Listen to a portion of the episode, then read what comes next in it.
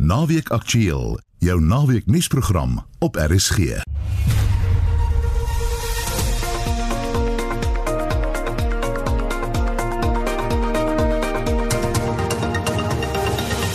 Goeiemôre in die volgende uur.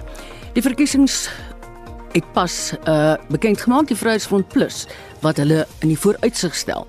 Want hulle het hulle verkiesingsmanifest bekend gestel. Die Vryheidsfront Plus is nie bang dat hy gaan stemme verloor as hy sê as jy nie jou water en ligte rekening betaal nie, dan gaan dit afgesny word. Die departement van basiese onderwys is gereed vir die matriek eindeksamen.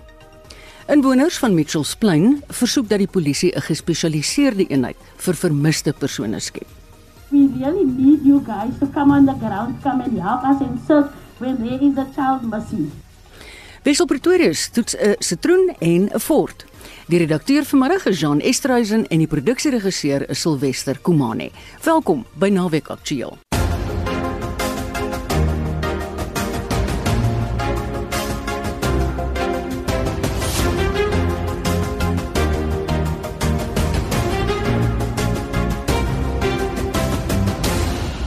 Ja, dit is soos Renske gesê het, ons program het 'n bietjie later begin want die Vryheidsfront Plus het kort voor naweek aktueel sy verkiesingsmanifest bekend gestel.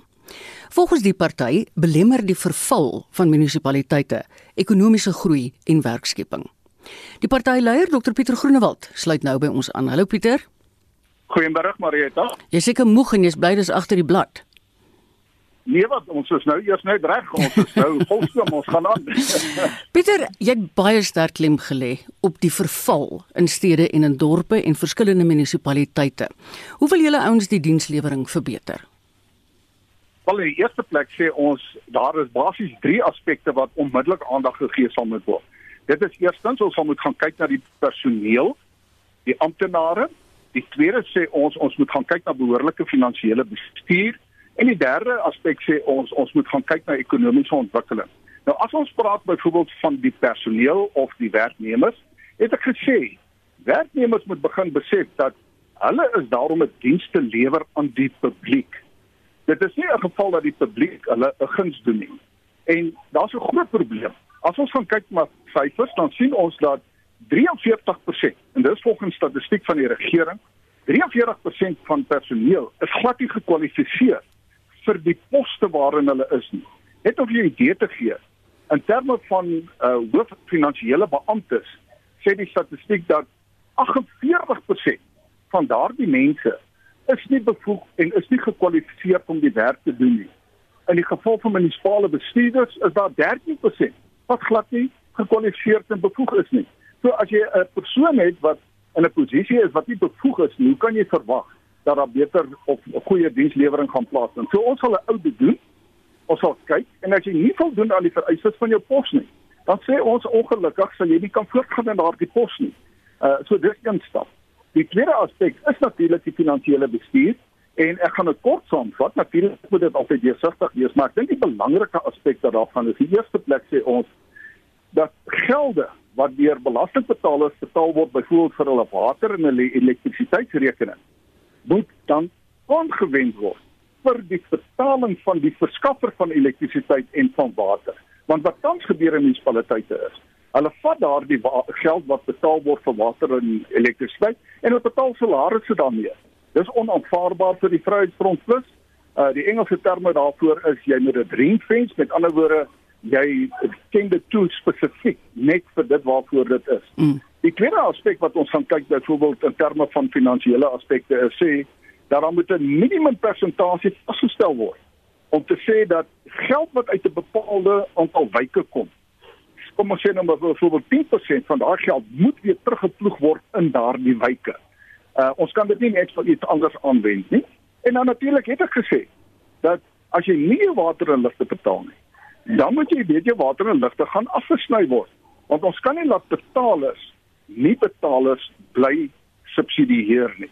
En ek weet, daar is arme mense wat dit nie kan doen nie en ek het ook gesê, in daardie geval mense kry gratis 6 kl water en 6 kW elektrisiteit, maar daar's baie mense wat beslis hulle water en elektrisiteitsrekeninge kan betaal maar hulle doen dit nie. En ons kan nie toelaat dat dit maar net verder en verder verval nie.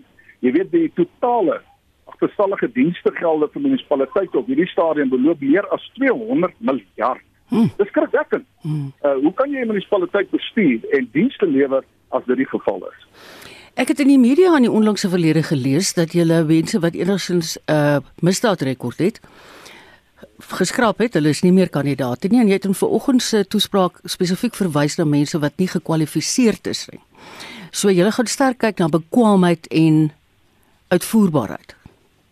Inderdaad, en as ons gaan kyk na ons eie kandidaate soos jy reg sê, ons het gekyk na hulle kriminele rekords en ons het byvoorbeeld nou al gevalle gehad en ek sê eh, skram nie weg daarvan nie van mense wat intussen verkeerd opgetree het, tree het en ons het hulle onmiddellik geskort. Uh so ons sê dat as ons verwag dat daar kwaliteit mense en bevoegde mense moet wees wat die werk kan doen as amptenare, verwag ons dat ons uh, kandidate ook bevoeg moet wees om dit te kan doen en as hulle hier is, nie dan sal ons optree. So uh, ons is baie ernstig daarmee en natuurlik sê ons ook dat uh, ons moet in die geheel gaan kyk na die benadering van plaaslike regering en dit is dat ons glo daar moet desentralisasie plaasvind. Ja, jy het ons baie klem gelê daarop Pieter, brei bietjie uitblief. Ja, uh, uh, dit beteken daar's 'n klomp munisipaliteite wat saamgevoeg is. Kom ek vat my wêreld in Noordwes. Jy het byvoorbeeld uh, die kosgebiede saam bekend as die Klerksdorp, Oktie, Stilfontein, Hartbeesfontein. Mm. Dit was altyd vier verskillende munisipaliteite. Hulle is nou saamgevoeg in die Matlosana munisipaliteit. So kan jy oor die hele land gaan. En ons sê dit is 'n fout. Jy moet desentraliseer. Dan moet weer teruggekeer word na daardie dorpe en plekke toe sodat die amptenare en byvoorbeeld die uh, raadslede moet kan ek sê deel van daardie gemeenskap wees. Ek het gesê ek was burgemeester in Stilfontein. As ek gaan melk koop het en daar was 'n waterpyp wat gebars het, kon 'n kiezer vir my onmiddellik sê, "Maar hoor jy, as jy bewus van die waterpyp wat gebars het." Daarom sê ek dit desentraliseer. Mm. Dis beter dienslewering. Want nou is daar mense wat probleme het met hulle water en ligte rekeninge en dan moet hulle 'n aantal kilometers ry om dit probeer uitgesorteer te kry en dan soos ek sê dan kry jy nog amptenare wat dink uh hulle doen jou guns as hulle jou help. So wat ons bedoel daarmee is devolusie van gesag en daar's twee stelsels wat die huidige wet tans voor voorsiening maak. As jy kan 'n uitvoerende burgemeester stelsel hê, dit beteken jy kies 'n burgemeester, uitvoerende burgemeester en die burgemeester stel dan sy komitee saam. Mm. Ons sê dan moet gekyk word na die uitvoerende komitee stelsel. Daardie komitee stelsel beteken jy gaan kyk wie is in die raad, die raadslede en dan word daar proporsioneel word dan lede saamgestel om die uitvoerende komitee te wees. Nou dit het sy voordele in die opsig dat dit is verskillende sienings wat kyk wat is in die beste belang van die kiesers. Nee, as jy net 'n uitvoerende burgemeester het en as hy of sy van 'n bepaalde politieke party is om te kyk of sy politieke koneksies gebruik kan word en om sekere mense te bevoordeel nie. So die mag, die kiesers moet begin voel dat hulle het weer mag om dit te kan doen, maar daarby sê ons ook, dan moet hande gevat word met burgerlike organisasies. Uh daar's hoeveel burgerlike organisasies, mense wat self die slaggate uh mm, opvul en mm. regmaak en so voort. Maar jy moet hande vat en ek sê dit is nie net die of die politiek of die burgerlike organisasies nie, dis die politiek en die burgerlike organisasies in alle opsigte. Of jy nou slaggate regmaak of jy nou kyk na die gemeenskapsveiligheid wat ter sprake is, as jy 'n raadslid het daar, kan daar op 'n manier gekyk word of daar fondse beskikbaar is om dan minstens die volksel vir die slaggat, as ek nou 'n eenvoudige voorbeeld kan gebruik, ja. te kan aankoop. So hmm. ons moet hande vat en dit wat ons bedoel met desentralisasie, hmm. meer mag na die gemeenskap toe. Ek het gekyk na julle uitsending en ek het swart ondersteuners in die auditorium gesien en julle het onlangs ook vir advokaat Lenet Max, 'n breinman in die Kaap, genomineer as julle burgemeesterskandidaat. So kan ek jou vra watter kiezer teiken julle? Ons kiezer uh, teiken is almal in Suid-Afrika wat hulle skaar by die beleid en die beginsels van die Vryheidsfront Plus. Ek kan maar byvoorbeeld sê, ek het al verskeie oproepe gekry uit die hartjie van Soweto waar daar swart mense is wat wil takke stig vir die vryheidsfront plus en dan sê hulle ons stem saam met jou beginsels. Hmm. Uh ons Christelike waardes is een aspek wat daarbey op klem gelê word, maar ook my sterk uitsprake teen regstellende aksie en swart ekonomiese bemagtiging. Is daar geweldig baie mense wat sê maar dit nee, daarmee stem ons saam en daarom wil ons vir julle stem. As ons gaan kyk na die ander gemeenskappe, jy het verwys na Leonard Max, hy's 'n Marite kandidaat. In die Weskaap is 60% van die mense is bruin mense. Uh ek wil ook altyd sê dat die mense besef dit nie. Hulle dink altyd dis die meeste wit mense wat Afrikaans praat. Die meeste mense wat Afrikaans praat is bruin mense. So daar is 'n aanklank. En ek het spesifiek verwys hoe daar gediskrimineer word teen minderhede. Byvoorbeeld die stadsraad van eThekwini, dit is nou Durban, wat 'n advertensie uitgeplaas het in die koerante om te sê daar gaan 'n tweedehandse motor veiling wees. Maar dan sê hulle in die advertensie: wit mense, bruin mense en indiër mag nie deelneem aan daardie veiling nie. Nou dis absolute diskriminasie teen minderhede en die Vryheidsfront Plus is bekend daarvoor dat ons sê ons staan op vir die beskerming ook van minderhede se belange en te sê en te verseker dat ons almal gelyke behandeling kry. En ek dink dit hoekom daar baie van hierdie mense is wat nou aanklank vind by die Vryheidsfront Plus, hulle begin besef ons is nie net 'n party eksklusief vir Afrikaners wat almal gedink het ons is nie. Ek sê baie eerlik, ek vra nie verskoning dat ek Afrikaner is nie. Inteendeel, ek is baie trots daarop. Maar so moet ons almal trots wees op wie en wat ons is. En daardie aanklank begin nou momentum kry en meer en meer mense besef as ons hande vat en ons het meriete as die kriteria. 'n Meriete gaan nie oor kleur nie. Meriete gaan oor wie die beste persoon in die werk kan doen. Dan kan ons die verval in Suid-Afrika stop en ons kan verbeterde dienslewering daar verseker. Pieter baie dankie. Dit was Dr Pieter Groenewald, die leier van die Vryheidsfront Plus. Ons bly by die onderwerp. Ons praat nou vir 'n ontleding met Dr Dirk Kotse van Unisa se departement politieke wetenskap. Goeiemôre Dirk. Goeiemiddag Marita. Jy met jou Rita roer vandag ek het jou net nou op die televisie gesien. Almal wil seker met jou praat. ja. Wat het vir jou uitgestaan in Dr Pieter Groenewald se toespraak?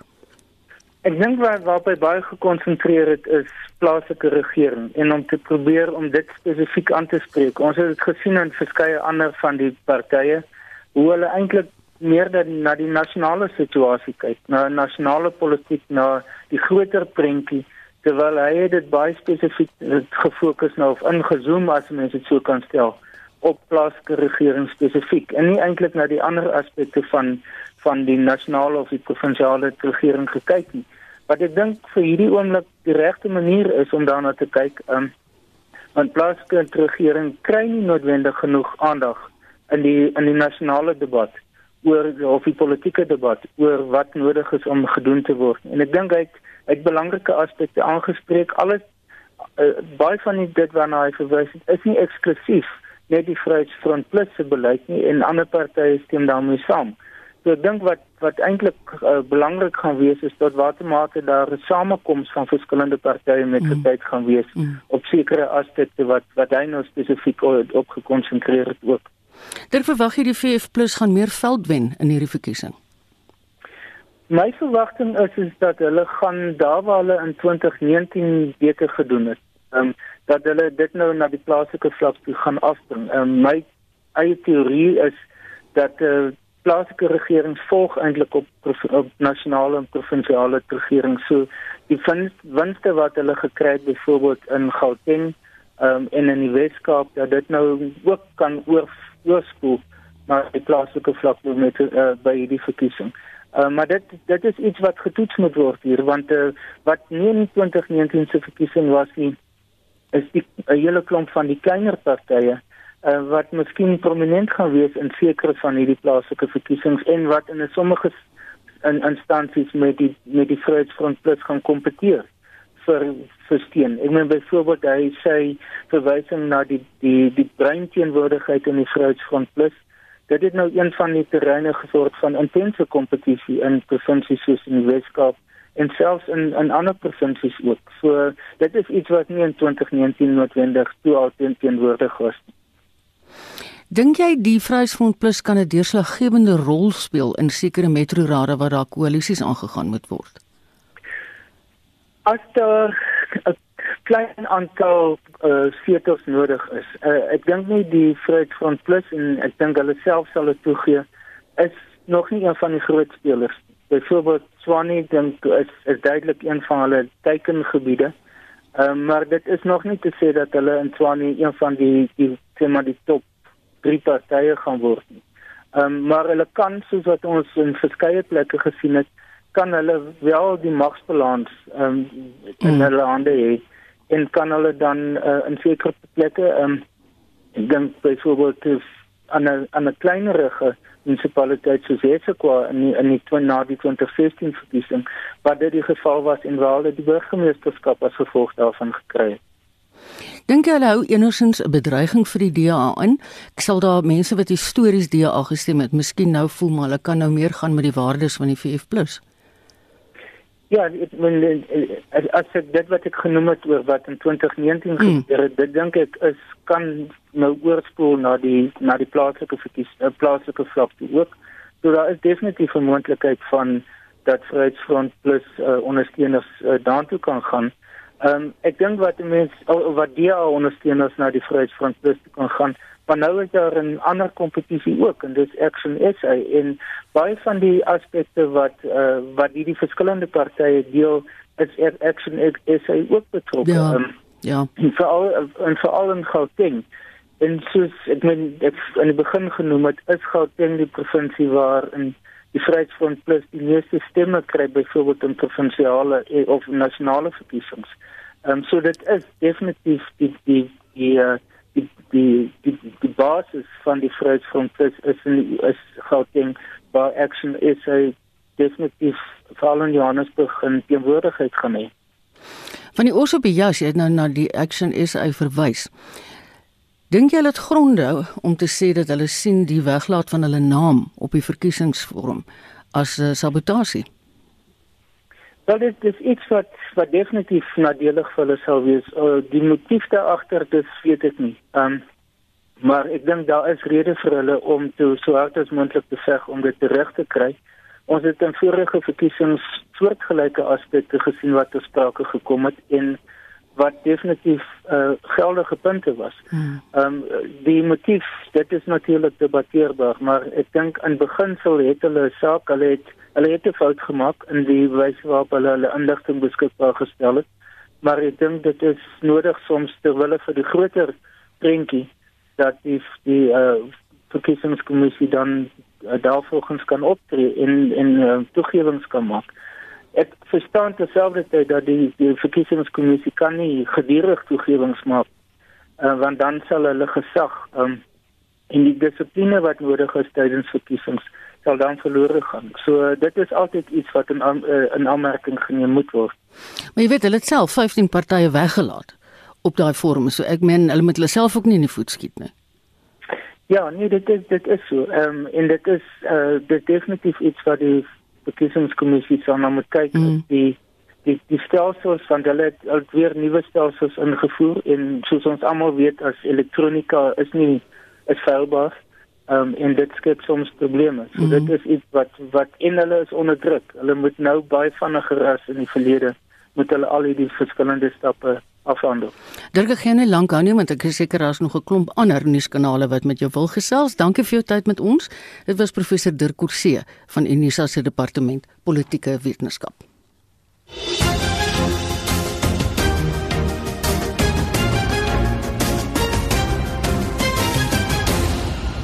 Is ingeskakel op RSG. Jy luister na die program Naweek Aktueel. Dis nou op pad na 28 minute oor 12 toe. Nou soos eers 'n bietjie klaar met die verkiesing. Inwoners van Mitchells Plain op die Kaapse vlakte versoek dat die polisie 'n gespesialiseerde eenheid vir vermiste persone skep. Die jongste misdaadstatistiek toon dat die Mitchells Plain polisiekantoor een van die top 30 stasies is waar geweldsmisdaad aangemeld word. Kobben August berig. Die minister van polisie, Bekkie Cele en ander leiers het in Rocklands met lede van die gemeenskap vergader oor die misdaad waaronder hulle gebuk gaan. Dwelm en bendeverwante misdaad is een van die grootste probleme. Dit is wat van die inwoners te sê gehad het. We really need you guys to come on the ground, come and help us and search when there is a child missing. Because there's a big need when it, especially when it comes to Mitchell's Plain. Gender-based violence is evil. That's what it's called. And like I say, when it was mentioned that men is the cause of it, I can put my hand on my own chest as a man. I'm disappointed. That we have something like a fancy words, but it's evil. That's what we're calling it. Die voorsitter van die Mitchells Plain Gemeenskapspolisieeringsforum, Norman Jantjies, het gevra vir meer hulpbronne wat in die gebied ontplooi kan word. The sub-forums, I want to ask you to continue the good work that you're doing. The the neighborhood watches, the block committees. I want to appeal to you to start working together. There's no way that we can fight one another, block committees versus neighborhood watchers, and at the end of the day, the community is suffering. So I want to appeal all of you that's still refusing to hold hands. Think about it. Think about what you're doing and think about how we can hold hands to make Mitchells Plain a safer area. Minister Cele het ontken dat die provinsie nie genoeg hulpbronne het nie en het verskeie voorbeelde voorgehou waar die polisie ingegryp het in die stryd teen misdaad. We have created a special team here for extortion. We, the first province where we created a anti-gang unit and a very high expense. This province is one with the, the taxi task with the taxi task team. We really work and we are completely blind on the test in the question of geography, while all our eyes are open on the question of making the people of South Africa, including Western Cape, in particular Cape Flats, safe. Cele sê misdaad moenie gepolitiseer word nie. Hy het weer eens verwys na die provinsiale wetstoepassing se parallelle struktuur wat nie noodwendig met die polisie saamwerk nie. Die vergadering volg nadat die DA verlede week 'n optog in Mitchells Plain gehou het om teen Cele se planne te betoog. Die DA is nie tevrede met 'n enkele polisiediens nie en wil meer magte hê oor ontplooiing in provinsies. Ek is Kobben August in Kaapstad. Jy's terug in Auckland Park hier in Johannesburg en wat is 'n naweek sonder sport? Ons sit op die oomblik vir Pieter van der Berg op die lyn want die eerste vonke van die naweek se sport het al gister gespat. Hallo Pieter. Maar ons sê Marita. Vier Suid-Afrikaanse spanne is die naweek in aksie in die Verenigde Rugby Kampioenskap. Om die waarheid te sê, dis dat die Sharks na week verwys, was al gisterand op die veld. Ja, baie waar die eerste van uh, vier wedstryde waar Suid-Afrikaanse spanne betrokke is en dan gisterand plaasgevind soos jy sê reg die uh, uh, Sharks wat op die veld was daar in Wallis teen Ospreys. Nou daardie wedstryd het om 25 minute voor 9 Suid-Afrikaanse tyd begin. Nou die rustydtelling was 6-11 en ek moet sê is 'n baie baie stewige eerste helfte gewees van die Sharks. Hulle kon ongelukkig nie uh, punte aanteken meer as daardie twee strafdoele nie maar in die tweede helfte vroeg vroeg het hulle gaan druk en toe uh, was die telling 13-6 hulle verskoning het tweede drie bygevoeg en Marietta het regtig goed verdedig en met mening die teenstanders aangevas aangevat En daar was ook twee goeie sketskoppe gewees en die eindtelling uiteindelik in die Sharks se guns 27-13. Nou voor hierdie wedstryd het Suid-Afrika 1 uit 8 wedstryde kon wen ja. in die ja. eerste twee naweke en nou is dit daarom 2 uit 9. En dan vandag kom ons loer na daardie wedstryde. Die Glasgow Warriors, hulle kom teen die Lions te staan. Dis om 5 oor 4 vanmiddag en dis sonder die besierde loskankel vir die Lions, Jordan uh, Hendrickson.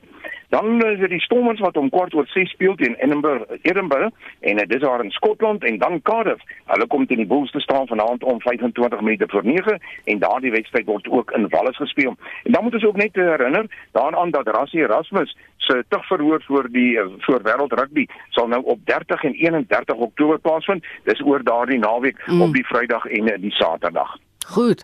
Die Japaneese Formule 1 Grand Prix is vervang met die Turkse GP wat môre gejaag word. Hoe sake in die oefenronde verloop, Pieter?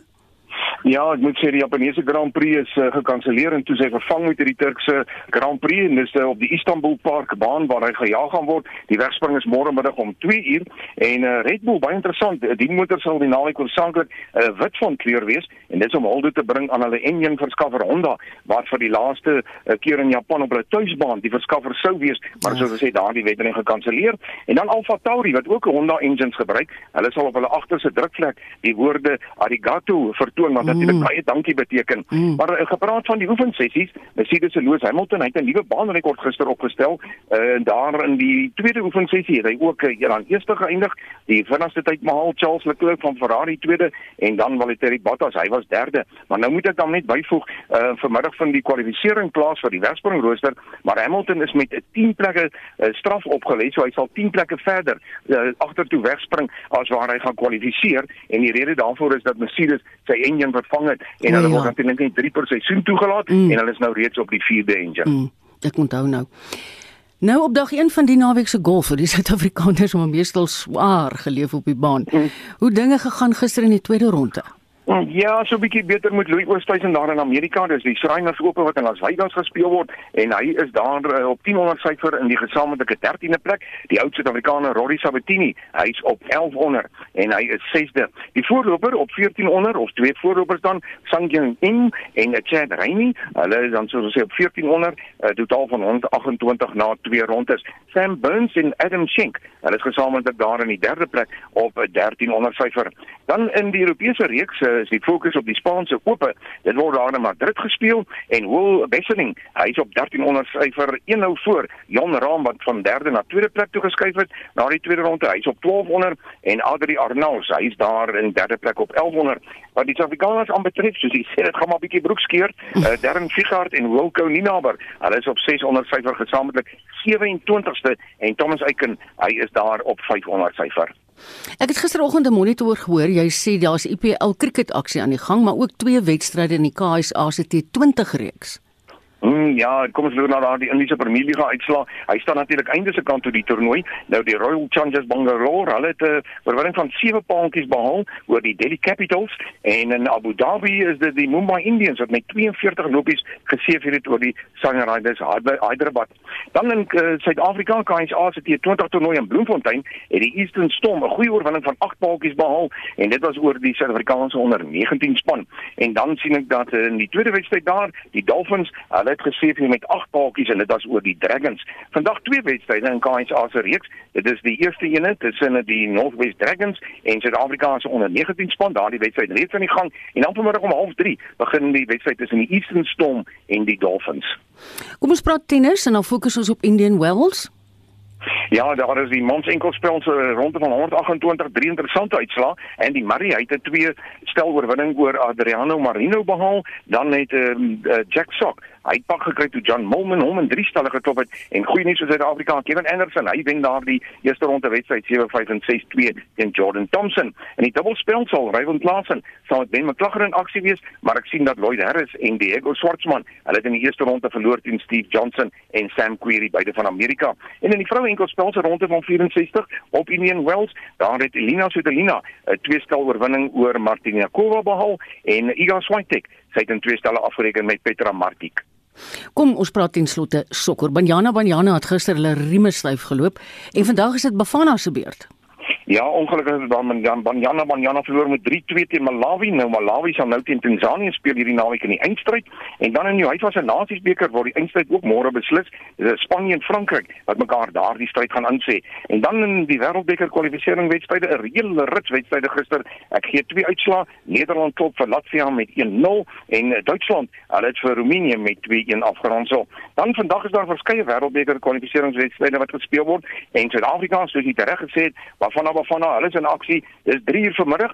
Heel moontlik in daardie wedstryd weens een of ander tegniese rede met die televisie-uitsendings dalk skuif dalk skuif na 4 uur toe, maar een Morris, hy sal vanmiddag van 3 tot 6 in RSG Sport. Wanneer daardie wedstryd ook al begin, gaan hy ons gereeld op hoogte hou van gebeure en Jody Hendricks, hy sal met al iets ander sportnuus gereed wees vanmiddag. Baie dankie Pieter vir jou en jou hele sportredaksie. Dit klink my hulle gaan nog hard werk vanmiddag. En nou in ons weeklikse motorrubriek. Toets Wessel Pretoria is 'n Citroen en 'n Ford.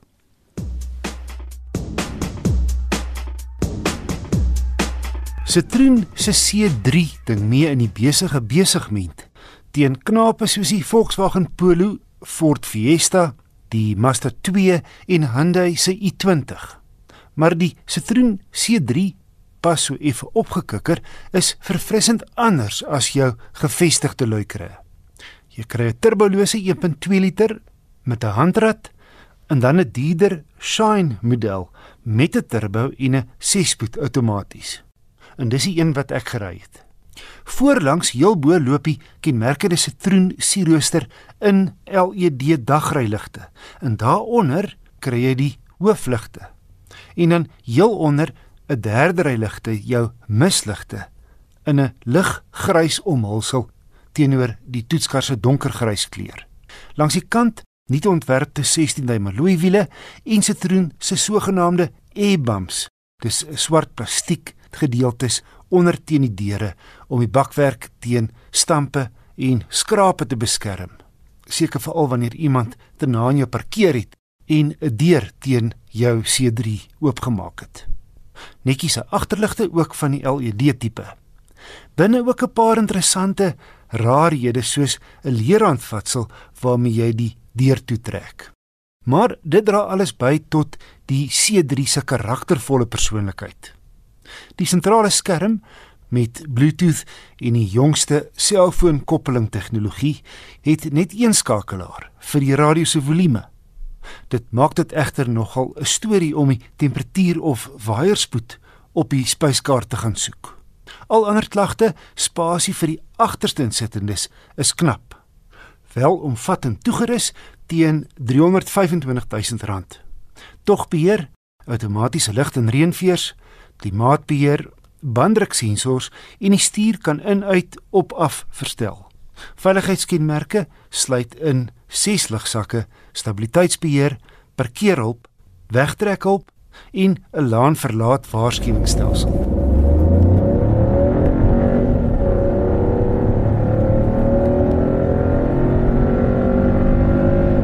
'n mooi 3-silinder grom, sy 81 kW 1.2 liter petrol turbo sorg vir lewendige verrigting. 205 Nm is vanaf net 1500 toere beskikbaar.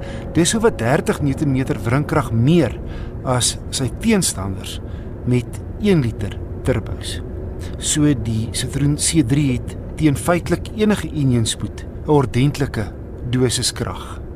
Teen 120 lê die toere teen 'n rustige 2500 in 6ste. Op my gekombineerde roete het ek 'n skaflike 6.5 liter per 100 km gemeet. Wat my ook opgeval het, is die C3 se gladde rit en daarmee saam baie gerieflike sitplekke. Nee, kyk, die Citroen C3 Shine het baie wat in sy guns stel. 'n Unieke, stylvolle voorkoms. Hy ry heerlik en hy het heelwat toerusting teen R324700 wat hom beter waarde vir geld maak as sy meeste mededingers.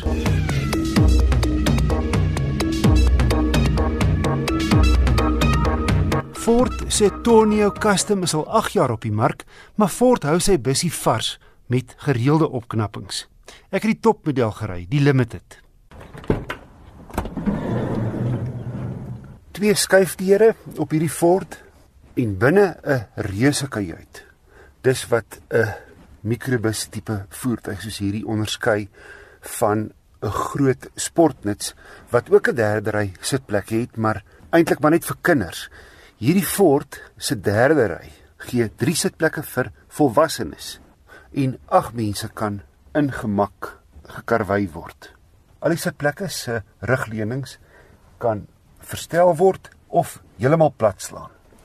En as jy die tweede en derde rye se middelste sitplekke se rugleunings vorentoe vou, dan het die passasiers weerskante koppiehouers en in feite 'n tafelgedeelte tussen hulle. Ook liguitlate vir die middelste en agterste passasiers as ook laaipunte vir selfone of enige ander elektroniese toerusting. Nie minder nie as 8 USB sokke. En die wonderlike is dat nadat jy 8 mense gelaai het, hier ook genoeg plek is vir bagasie. En dan die derde ry kan uitgehaal word indien jy 'n 5-sitplekker met 'n massiewe laairuim benodig. En ook die tweede ry kan uit om 'n paneel waar te skiep. Dan kan die tweede ry heeltemal omgedraai word indien die passasiers met die derde ry sin wil klets. Die Limited kry 'n groot 20 cm sentrale skerm waarmee jy onder meer musiek kan stroom of navigasie kan koppel. Hy is goed toegerus met kenmerke soos togbeheer en verhitte voorste sitplekke. Asook 'n spul veiligheidsstelsels wat die Tonio 'n 5-ster Euro NCAP botsingradering gee.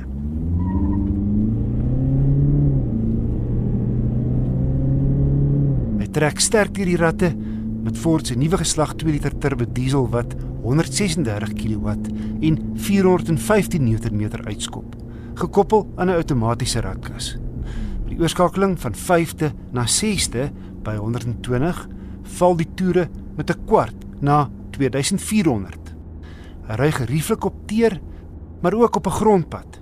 En jy sit lekker hoog Met die groot vensters is die uitsig na buite uitstekend. Op my gekombineerde stad en oopadroete het hy 9,3 liter per 100 km gehaal. My gevolgtrekking, die Ford Tonio Custom Limited teen R779500 is 'n besonder veelsidige en ruim voertuig. Hy ry lekker en is ook goed toegerus. In alle opsigte 'n aangename bussie. 'n 6 jaar 90000 km diensplan kom standaard. Ons leer aan baie van motors so deurwissel. Die minister van basiese onderwys, Angie Motshekga, sê haar departement is gereed om die 2021 matriek eindeksamen te bestuur. Die eksamen begin op 27 Oktober en die laaste vak word op 7 Desember geskryf. Vir jaar het 'n rekordaantal, 735677 voltydse leerders vir die eksamen geregistreer. Dis die grootste getal matrieks wat die eindeksamen geskryf het sedert die nasionale senior sertifikaat eksamen in 2008 ingestel is. Kom ons kyk wat sê Lila Magnus. Die minister van basiese onderwys, Angie Motshekga, sê ten spyte van die uitdagings wat die matriekleerders hierdie jaar en verlede jaar weens die COVID-19 pandemie moes oorbrug, verwag sy beter uitslae as vorige jare. To expect even better results from this group. Historically, uh, we've done assessments. The report I got yesterday was that we're even hoping to do better, and not because of COVID, not because of the pressure, but I'm told there's a quality that is coming through now in the system that is resilient, that is able to take pressure.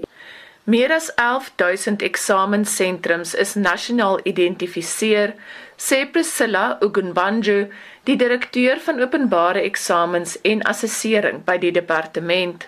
Now, designated centers are special centers that have been created by provinces uh, for part-time learners and also for uh, emergencies and learners, for example, that may test positive, because in this examination we intend to accommodate everybody. So if they show any symptoms, they will still be allowed to write.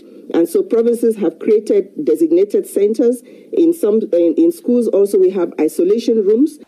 Die sal na verwagting teen die einde van Januarie bekend gemaak word. At the end of December, we expect to have captured all the marks because we are going to be finishing marking by the 22nd of December. And we will go on to our pre standardization uh, processes and Umalusi standardization by the 6th of January. We expect that Minister will be announcing the results uh, by the 20th of January, and provinces will release thereafter on the 21st. Leerders gaan gevra word om op 22 Oktober 'n eed te onderteken om nie by oneerlikheid tydens die eksamens betrokke te raak nie. Motshek het gemeenskappe gevra om te help om die integriteit van die eksamen te beskerm. It's in the interest of the country, it's in their interest, it's in the interest of everybody so that we don't go back to the very embarrassing situation we found ourselves in 2020 where there was scribbling and all sorts of things and discrediting an exam which is written by millions. Sy het die klas van 2021 sterkte toegewens met die laaste voorbereidings en die komende eksamens. Ek is Lila Magnus vir SAIK nuus in Pretoria. Van die Nobel Nobelprys vir Vrede is gewen deur twee joernaliste, Maria Ressa van die Filippyne en Dmitri Muratov van Rusland. En hoofsaaklik is die prys aan hulle toegeken vir hulle werk om vryheid van spraak en uitdrukking te beskerm. Annelien Moses het met emeritus professor aan die Noordwes Universiteit en kurator van mediamense.com, Johannes Vroneman, gepraat. Ek is baie bly dat die Nobelkomitee ingesien het dat joernaliste 'n baie belangrike vredesrol het. Jy weet gewoonlik word uh, joernaliste gesien as uh, kwaadstokers, moeilikheidmakers en uh, ouens wat dinge oopkrap wat dit nie gejuk het nie en so aan. Maar die belangrike punt om in te sien is dat joernaliste inderdaad goeie joernaliste werk met feite en hulle is besig om te werk vir geregtigheid. En as jy geregtigheid het, kan jy hoop op vrede, maar daar's geen vrede sonder geregtigheid nie. So ek dink daai logika het die Nobelkomitee uh, gesnap en daarom dink ek is 'n baie goeie toekenning wat hulle gemaak het. Ressa en Muratov, hulle doen hulle werk onder moeilike omstandighede. Hulle kry doodstrygemente, hulle word gedreig met regstappe. Wat sê dit vir jou van hulle toewyding en hulle veggees? Wel absoluut, hulle is uh, voorbeelde van wat joernaliste wêreldwyd doen. En dit is baie belangrik om ook daarop te let dat die komitee het gesê dat uh, die prys word aan hulle toegekend soort van as simbole, as voorbeelde van hierdie joernaliste, maar dit eintlik ook 'n prys is wat gaan aan aan alle joernaliste wêreldwyd onder baie moeilike omstandighede besig is om die feite op die tafel te sit en daardeur, jy weet, teen autoritaire regerings te verset. En uh, weet ons te help om as demokrasie te funksioneer. Dis is as 'n demokrasie is. In die geval van Rusland sou mens nou wonder wat is so 'n demokrasie? Dis natuurlik 'n tamelike autoritaire demokrasie. Nou hulle rol is is absoluut belangrik. Dis ook belangrik om daarop te let dat uh, laas jaar uh, sowat 50 joernaliste wêreldwyd uh, doodgemaak is terwyl hulle hulle werk probeer doen het. En uh, so ja, mense doen hulle werk in baie moeilike omstandighede. Hulle lewens is in gevaar en uh, hierdie twee joernaliste wat uitgesoek is as uh, sou ek sê verteenwoordigers van daardie joernaliste. Dit is baie belangrik. Dit is ook interessant vir my dat ehm uh, die die rus dat hy uh, is 'n redakteur van 'n koerant en uh, sy verteenwoordig eintlik uh, daardie deel van die journalistiek Muratov en dan Maria Ressa, sy is die mede-stigter van 'n nuuswebblad in die Filippyne. So dis interessant dat daai kom ons sê daai digitale kant word erken maar dan ook die meer tradisionele media Ressa se aanlyn nuusdiens is bekend vir die kritiek op president Rodrigo Duterte se regering in die Filippyne en Muratov se koerant is die onafhanklike stem in Rusland. Hoe vergelyk persvryheid in die twee lande met wat ons in Suid-Afrika ervaar? Kyk, elke land het sy eie storie en jy weet die stryd om persvryheid is in, in, in die meeste lande uh, word dit gevoer. Ek dink in sommige westerse lande daarom nie naaste by so erg soos in hierdie lande nie, maar ek dink uh, Suid-Afrika sekerlik is een van die vryste lande in die wêreld. Dit is seker dat die vryste land in Afrika, maar ons moet onsself daarom ook nie met die beste vergelyk. Ek dink ons ons vergelyk in daardie opsig goed. Jy weet ons ons koerante en ons uh, radiostasies en TV-stasies um, saai uit en publiseer daagliks. Um, uh, weet nie van een uh, joernalis wat op die oomblik in aanhouding is nie. Ek uh, is ook nie bewus daarvan dat joernaliste in die afgelope jare in Suid-Afrika doodgemaak is nie. En as dit wel sou gebeur sou dit 'n baie hoë uitsondering wees. Dis nie te sê dat joernaliste dit altyd maklik het in Suid-Afrika nie, hoor. Kyk, daar's ook ander faktore wat teen joernaliste tel en dit is daar's kommersiële faktore. Byvoorbeeld, jy weet, jy mag nie daaroor skryf nie dan maak jy 'n adverteerder kwaad. Uh, jy mag nie daaroor skryf nie dan maak jy daai politikus dalk kwaad en dan is daar sekere effekte op die maatskappy. So daar's op baie verskillende maniere ook maatskaplik en kultureel is daar druk op joernaliste om nie oor sekere dinge te skryf nie want dit sou toekomstig disloyaal wees. Maar ek dink die beste joernaliste onder ons verstaan loyaliteit reg. Hulle verstaan loyaliteit as loyaliteit teenoor die grondwet, teenoor ons basiese beginsels van menseregte van vryheid van spraak. Ek sou sê in Suid-Afrika het ons dit eintlik relatief maklik en ons kan bly wees daaroor in ons grondwet help ons sekerlik daarin. Wat beteken hierdie Nobelprys vir mediavryheid of kan dit bloot net 'n simboliese gebaar wees? I mean ja, daar gaan 'n moeite om geld daarmee saam, maar uh, dit is 'n simboliese ding en dit plaas dit ook eintlik uh, die die saak waar dit gaan op die agenda weer. Dit plaas dit uh, is in die kollig en hulle sal uh, ook 'n uh, tipe van um, celebrities word in 'n sekere sin in die mooi sin van die woord, die positiewe sin van die woord, uh, deurdat hulle bekend sal wees, bekender sal word en dan ook 'n uh, platform sal kry om te praat. Nie net vir uh, mediavryheid in hulle eie lande nie, maar vir mediavryheid oor die hele wêreld. So dis ook belangrik veral in die tyd wat ons in leef waar daar 'n geweldige uh, fopnuus versprei word, maar ook baie belangrik mense wat die hoofstroom media bevraagteken en sinies is daaroor en sê ja, jy kan hulle nie glo nie, jy kan nie die koerante glo nie, jy kan beslis ook nie die SAK glo nie. Jy kan omtrent niemand glo behalwe hulle klein kringetjie wat uh, miskien iewers op sosiale media saam koek nie. Uh, en dit is 'n baie belangrike ding dat ons uh, ons rug styf maak teen hierdie tipe van standpunte wat eintlik probeer om die meriete en die geloofwaardigheid van die media af te takel. Dis 'n baie belangrike ding dat eh, die Nobelprys vir vrede ook sê feite is belangrik, goeie journalistiek is belangrik. Soos die professor Johannes Vroneman.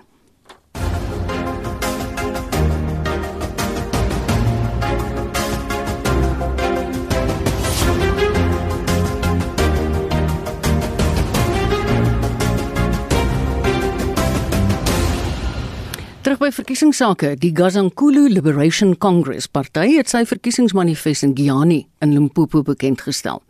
Die party wat in 2017 gestig is, sal volgende maand vir die eerste keer aan die plaaslike regeringsverkiesing deelneem. Vincent Mufokeng het meer. Die Gazankulu Liberation Congress sal meeding in 31 wyke in Giani en in 35 wyke in die Collins Chabane plaaslike munisipaliteit. Die party se president, Wilson Seseni, sê hulle sal skoon drinkwater aan inwoners voorsien en verseker dat baie toeganklik is indien hulle verkies word. We are going to serve people with pride and we'll make sure that equal opportunity is displayed to everybody in the country, regardless of color, race, or gender. Launching a manifesto is a commitment that uh, you, you, you do exactly what you are mandated to do. The mandate is very simple. The mandate says give us services, quality services. We will deliver water. We will make sure that roads are accessible. Seseni sê sal slegs aan die verkiesing in die Mopani en Wembe distriksmunisipaliteite deelneem. We were supposed to have contested all the municipalities in the country. However, because this is our first municipal election, we will only contest uh, Wembe and all the, the wards in all the municipalities. And, and also Mopani district where I'm the mayoral candidate. We will contest Giani, all the wards, and, and, and Marule and, and, and Litava. So people must go all out in numbers and vote for GLC because that's very key and is, is very fundamental. Die party is in 2017 gestig en het aan die nasionale verkiesing in 2019 deelgeneem. Die party het 7000 stemme in die verkiesing gekry. Die verslag van Michael Makungo in Polokwane. Ek is Vincent Mufokeng vir SAI Garnis. Jy luister na Naweek Aktueel, dis 5 minute voor 1 en onthou gerus, Renske Jakob is 1 uur hier met ons jongste nuusbulletin. Die plaaslike besorgde inwoners of PBI het sy manifest op George in die Suid-Kaap bekend gestel. Die party het in die plaaslike regeringsverkiesing in 2016 gestaan en 3 setels in die George munisipaliteit gekry. Die PBI het ook aan die algemene verkiesing in 2019 op provinsiale vlak in die Oos en Wes-Kaap deelgeneem, maar kon nie 'n setel wen nie. Tanya Krause doen verslag. Onder die politieke leierskap van die PBI sal ons 'n klimaat skep vir werkskepping. Ons beoog om maksimaal werk te skep wat permanente uitkomste sal bied vir baie mense met groot klem op onderrig, werkskepping en armoedeverligting, beloof die PBI om meer beleggers na die streek te lok. Die party se president, Virgil Gericke, sê dit sal op sy beurt meer werksgeleenthede skep. Ons sal beleid in plek sit. Uh, ons sal spesiale ekonomiese sones in plek sit uh sodat ons groot en nasionale selfs internasionale maatskappye kan nooi na die streek. Uh ons sal uh, spesifiek konsentreer op, op motorhandelaars Ons sal grond vir hulle gee teen uh afslagpryse. Ons sal dienste beskikbaar stel teen minimale pryse sodat hulle meer mense in diens kan neem en sodat ons vir ons mense 'n beter lewe kan bewerkstellig. In 'n poging om toerisme verder in die tuinroete te bevorder, wil die PBI 'n renbaan by George skep. Gerike sê dat dit die jeug van onwettige straatrenne sal weerhou en ook besoekers na die streek sal lok. Ons sal 'n volledige baan installeer met robots en so voort uh, sodat ons die sport kan reguleer en deur daardie sport dat ons toerisme kan kan trek na hierdie streek toe dat nywerhede uh, besighede gastehuise hotelle uh, uh, kosvoorsieners dat hulle almal kan baat vind uh, by dit wat ons wil voorstel. Die PBI sê die bemagtiging van vroue en kwesbare gemeenskappe is ook een van hul prioriteite. In die komende verkiesing sal die party in drie plaaslike munisipaliteite, asook die Tuinroete distriksmunisipaliteit deelneem. Ek is Tanya Krause op George. Ek en Jean, ons redakteur vandag gesels net nou ek was nou al hier met 'n hele klomp van die manifeste van die verskillende partye. Mens hoop nou maar net altyd die dinge wat hulle vir jou voor die tyd beloof sal hulle opvolg as die verkiesing verby is. Maar uh, ons gaan nou maar totdat die 1 November aanbreek, gaan ons maar heelwat aandag gee, maar dit sal regverdige aandag vir al die partye wees. Maar in die tussentyd, as jy enigiets misgeloop het, gaan gerus na die RSG webblad toe. Dan kan jy daar gaan kyk na al ons sendings. Naweek aktueel en Monitor, Spectrum en ook Sondagaande se kommentaar is by rsg.co.za. So dis tyd vir ons om totsiens te sê. Ek groet namens ons uitvoerende regisseur Nicoline de Wee. Vandag se redakteur Jean Esterhuizen, produksieregisseur Silwester Komani en ek is Marieta Kreer. Dit gaan 'n heerlike vol naweek wees hier by RSG, so bly gerus ingeskakel. Totsiens.